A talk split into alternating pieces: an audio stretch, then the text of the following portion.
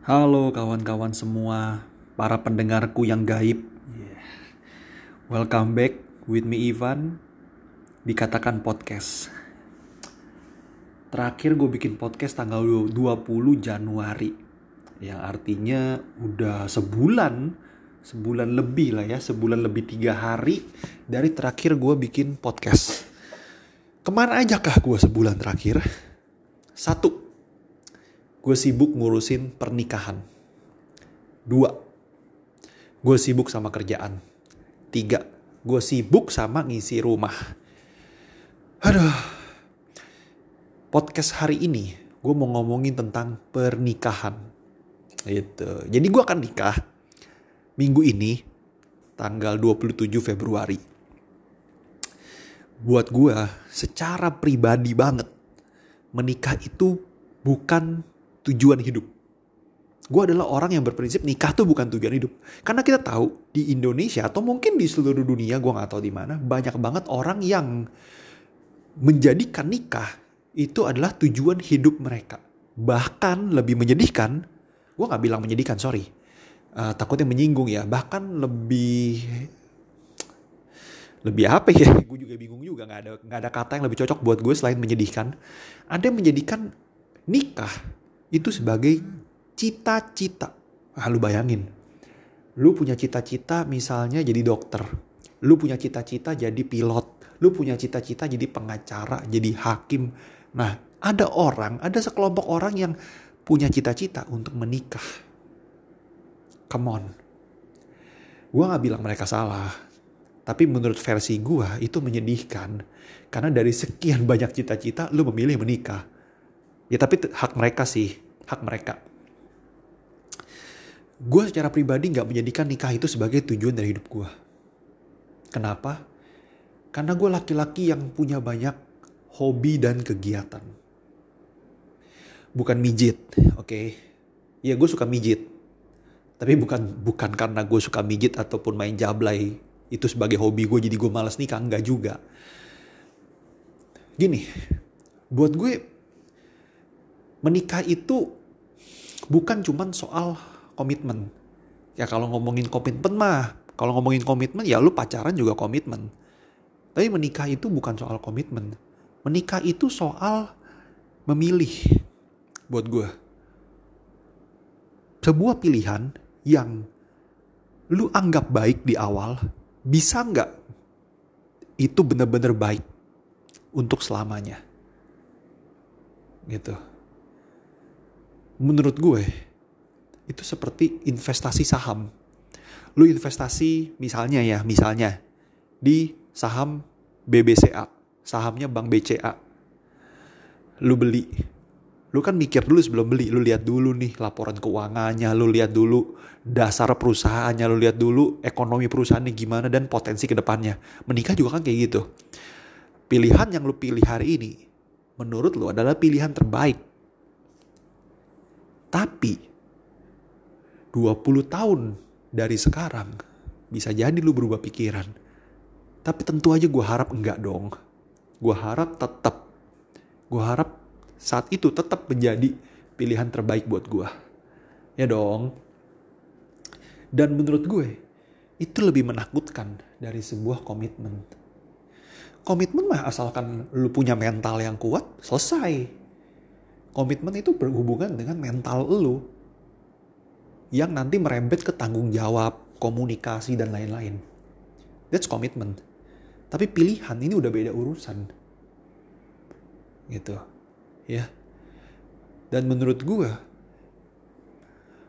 orang yang menikah adalah orang yang paling pemberani. Ya, orang yang paling pemberani.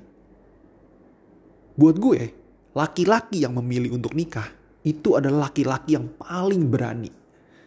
Kenapa gue bilang gitu? Karena dalam pikiran gue, ya, gue tahu nikah itu nggak gampang. Ya nikah gampang sih, actually lu punya duit, bikin acara selesai. Maksud gue kehidupan pernikahan tuh nggak gampang, gitu, ya. Contoh gini, gue nggak tahu lu semua gimana pendengar gue ya, tapi gue punya hobi Gue adalah orang yang punya hobi. Gue hobi nonton sepak bola. gue hobi main sepak bola, gue hobi main game, entah itu game mobile, konsol, PC, gue main. Gue hobi keluyuran, makan, gitu. Gue hobi, gue suka. Gue suka cari angin orangnya. Dan gue juga suka menyendiri. Gitu. Tapi ketika lu punya istri, ada orang di samping lu nih. Orang yang mesti lu rawat. Lu ajak dia ngobrol. Lu ajak dia nongkrong. yang hampir semua kegiatan lu akan akan lu lakukan berdua. Kalau biasanya lu selesai kerja misalnya jam 7 malam, lu makan, selesai makan jam 8, jam 9, habis itu lu pakai buat main PS. Sekarang mungkin lu mesti pakai buat ngewe. Gue nggak bilang ngewe itu nggak enak ya, tapi maksud gue akan ada momen di mana kegiatan me time-nya lu dipangkas karena lu udah punya istri. Gitu. Makanya gue menikah di usia 33 tahun. Karena gue harus memuaskan diri gue dulu. Gitu. Gue harus memuaskan diri gue dulu nih. Banyak-banyak main. Banyak-banyak kerja. Banyak-banyak menghabiskan waktu sendiri gitu. Sampai akhirnya nanti gue nikah. Iya. Kenapa? Ya kan itu tadi gue bilang. Kita ngomongin soal waktu yang lu punya sekarang harus lu bagi. Kemudian gue pernah, gue bukan pernah ya, ini gue sering ngeliat. Dan gue punya pengalaman, kenapa gue takut menikah sebelumnya. Gue punya tim futsal di komplek. ya Tim futsal gue di komplek itu gue gabung tahun 2007 gue gabung tahun 2007 dan tim futsal komplek gue bubar 2012. 5 tahun bubar. Bubarnya gara-gara apa? Semua anggotanya sudah menikah. Dan gue adalah anggota terakhir yang baru akan menikah. Lu bayangin coy. Bubar. Jadi kan kita satu tim itu ada sekitar 15 atau 17 orang lah kurang lebih. Ada beberapa yang udah nikah. Dua tiga orang tuh, tiga orang udah nikah sebelumnya. Nah, kemudian makin banyak dong yang nikah. Karena di tim futsal gue ini, yang paling muda itu cuman dua orang. Eh, sorry, tiga orang. Termasuk gue. Sisanya tuh lebih tua dari gue, gak tanggung-tanggung. Ada yang lebih tua 10 tahun, ada yang lebih tua 15 tahun. Gitu, jadi jaraknya jauh Nah waktu gua umur uh, waktu gue tahun 2007 itu gue baru umur 20. Dan rata-rata teman-teman gue udah umur 30-an. Jadi mereka rata-rata udah nikah. Atau ada yang baru mau nikah. Nah seiring berjalannya waktu mereka nikah-nikah-nikah bubar tuh tim. Istrinya gak ada yang ngasih. Bahkan salah satu teman gue yang juga tetangga gue. Kalau dia mau main futsal. Dia mesti ngebohong. Trik ngebohongnya gini. Kan rumah gue tetangga dong sama dia. Dia tinggal di kelapa gading nih ya kan? Dia tinggal sama istri di kelapa gading. Yang jadi rumahnya dia eh sorry rumah orang tuanya dia itu tetanggaan dong sama gue. Sebelum main bola dia kasih tahu gue dulu nih. Dulu masih zaman kita pakai BBM dia akan chat gue. Van ambilin baju gue di rumah emak gue gue ambilin tuh bajunya terus kita pergi terus gue jemput dia di rumahnya tuh di kelapa gading Abis itu dia bilang ke istrinya, kalau gue mau pergi makan sama si Ivan, udah, kita main futsal. Kelar sekitar jam 10. Gitu ya. Biasa tuh dia kelar duluan, 15 menit sebelum jam 10 dia selesai duluan, ngadem. Supaya keringetnya hilang. Setelah itu, kita cabut. Pergi makan Indomie dulu, baru pulang nganterin dia. Baju kotornya dia, gue bawa lagi ke rumah emaknya. Gue bawa dulu ke rumah gue, besok pagi gue kasih ke emaknya tuh baju kotornya dia. Emaknya cuciin, minggu depan gue bawain lagi kayak gitu. Siklusnya seperti itu. Kenapa? Karena istrinya takut kalau ditinggalin. Padahal kan ya lu ditinggalin cuman 3 jam, 2 jam main futsal, satu jamnya ngerumpi di warung. Ya cuma 3 jam kan. Apa sih yang bisa terjadi dalam waktu 3 jam? Paling banter juga lu jatuh dari ranjang cuy. Iya dong. Gitu. Udah. Bubarnya tim futsal gue. Ngebuat gue jadi mikir. Anjing, gue kalau punya istri yang gak bisa ngerti hobi gue, ya gue akan bernasib seperti ini.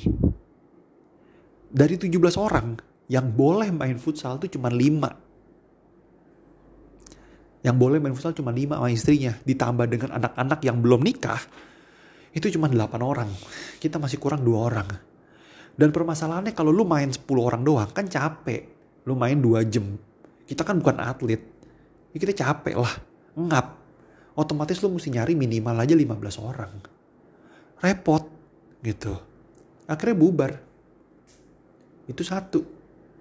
Di situ gue mulai mikir anjir. Gue setiap kali kalau ketemu cewek. Nih gue kan gini. Gue suka nonton sepak bola. Gue fansnya Manchester United. Setiap weekend, Sabtu atau Minggu, gue pasti nonton pertandingan tersebut.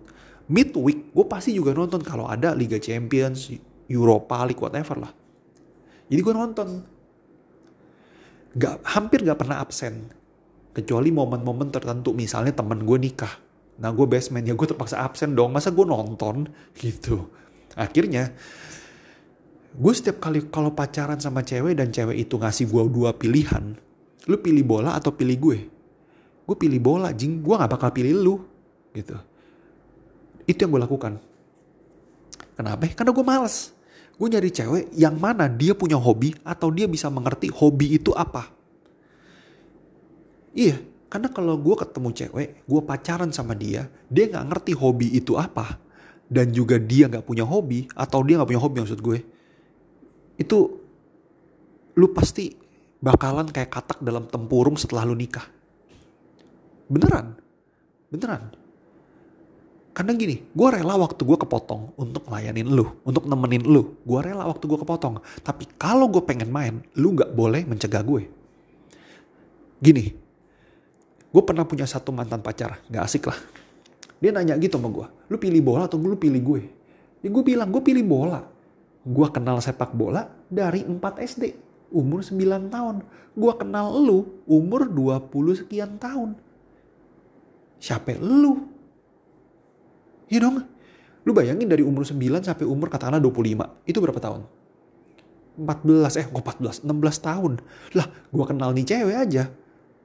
Baru setahun atau mungkin beberapa bulan gitu. Terus kita putusin pacaran. Ya siapa dia kan dibanding sepak bola yang gue yang gue suka, yang gue cintai gitu dong. Ya gak sih? Makanya kalau ada cewek nanya kasih pilihan seperti itu ke gue, gue bilang gue pilih bola. Gila, gue gue pilih lu. Karena buat gue prinsipnya adalah lu boleh aja berganti pacar, lu boleh aja berganti pasangan, lu boleh aja pindah agama, tapi lu nggak akan bisa pindah tim favorit lu. Karena itu lebih dari murtad kawan. Yeah. Anyway, lanjut lagi. Kita ngomongin soal nikah menikah. Nah, ngurusin nikahan tuh ternyata ribetnya luar biasa. Oke, okay? ribet. Buat gue yang Chinese, ada adat-adat yang mesti gue ikutin. Dan nikahan itu menurut gue ya, sejujurnya itu kayak bagaimana lu bisa menyatukan ego dari banyak orang. Bukan cuman egonya lu. Oh lu mau nikahan yang kayak gini, mau konsepnya begini. Bukan. Tapi ada ego orang-orang. Egonya orang tua lu yang mau disenengin. Egonya pasangan lu yang juga punya pilihan-pilihan tertentu. Pusing pala. Pusing. Gue yakin kalau ada pendengar gue yang udah nikah, pasti ngerasain hal seperti itu juga. Belum lagi vendor. Milih vendor. Waduh, puyeng. Apalagi gue sambil ngisi rumah. Klien gue transfer 100 juta. Dalam waktu satu minggu, kandas tuh 100 juta. Serius. Udah dipakai buat beli kulkas, beli TV, beli meja TV, beli ranjang. Tau-tau udah 100 juta melayang aja. Gue juga bingung tuh. Bahkan belum dapat bunganya tuh gue. 100 juta udah melayang aja gila gitu kan nah di situ gue mikir ya dengan ribetnya segala macam pernikahan gue jadi timbul dua pikiran gue mendapatkan kayak semacam pemikiran nih ada dua poin yang penting menurut gue satu poin yang paling pertama adalah kok bisa ada orang yang mau nikah dua kali atau lebih? Kok bisa ya? Karena jujur aja gue yang pertama kali nikah ribetnya minta ampun. Kalau gue ditawarin lagi buat nikah lagi ada duitnya pun gak mau gue. Gak mau. Kalau gue sultan sultan nih yang gue bisa nyewa wedding planner tetap gue gak mau. Kenapa karena ribet emang lu kira kalau lu pakai wedding planner lu gak mikir jadinya mikir juga tetap emang lu jadi kagak perlu uh, apa ya menyenangkan semua orang, menyenangkan ego orang tua lu, menyenangkan ego pasangan lu. Tetap mesti. Jadi sama aja. Cuma bedanya ada orang nih yang ngebantuin lu nyari vendor, itu doang. Tapi dia nggak ngebantuin kan. Kalau ada wedding planner yang juga ngebantuin soal menyenangkan ego semua orang, gue pakai tuh orang. Karena bisa membuat gue bahagia gitu. Jujur aja, gue orang yang egonya tuh rendah. Di pikiran gue adalah ego gue adalah nyari duit. Udah, gue pengen kaya. Gue gak peduli sama hal-hal yang menurut gue gak gitu penting dalam hidup. Contoh, misalnya gitu ya misalnya kalau cewek kan suka memilih-milih kayak oh mau warna kuning warna hijau gitu buat gue asalkan warnanya kagak terlalu aneh gue pilih.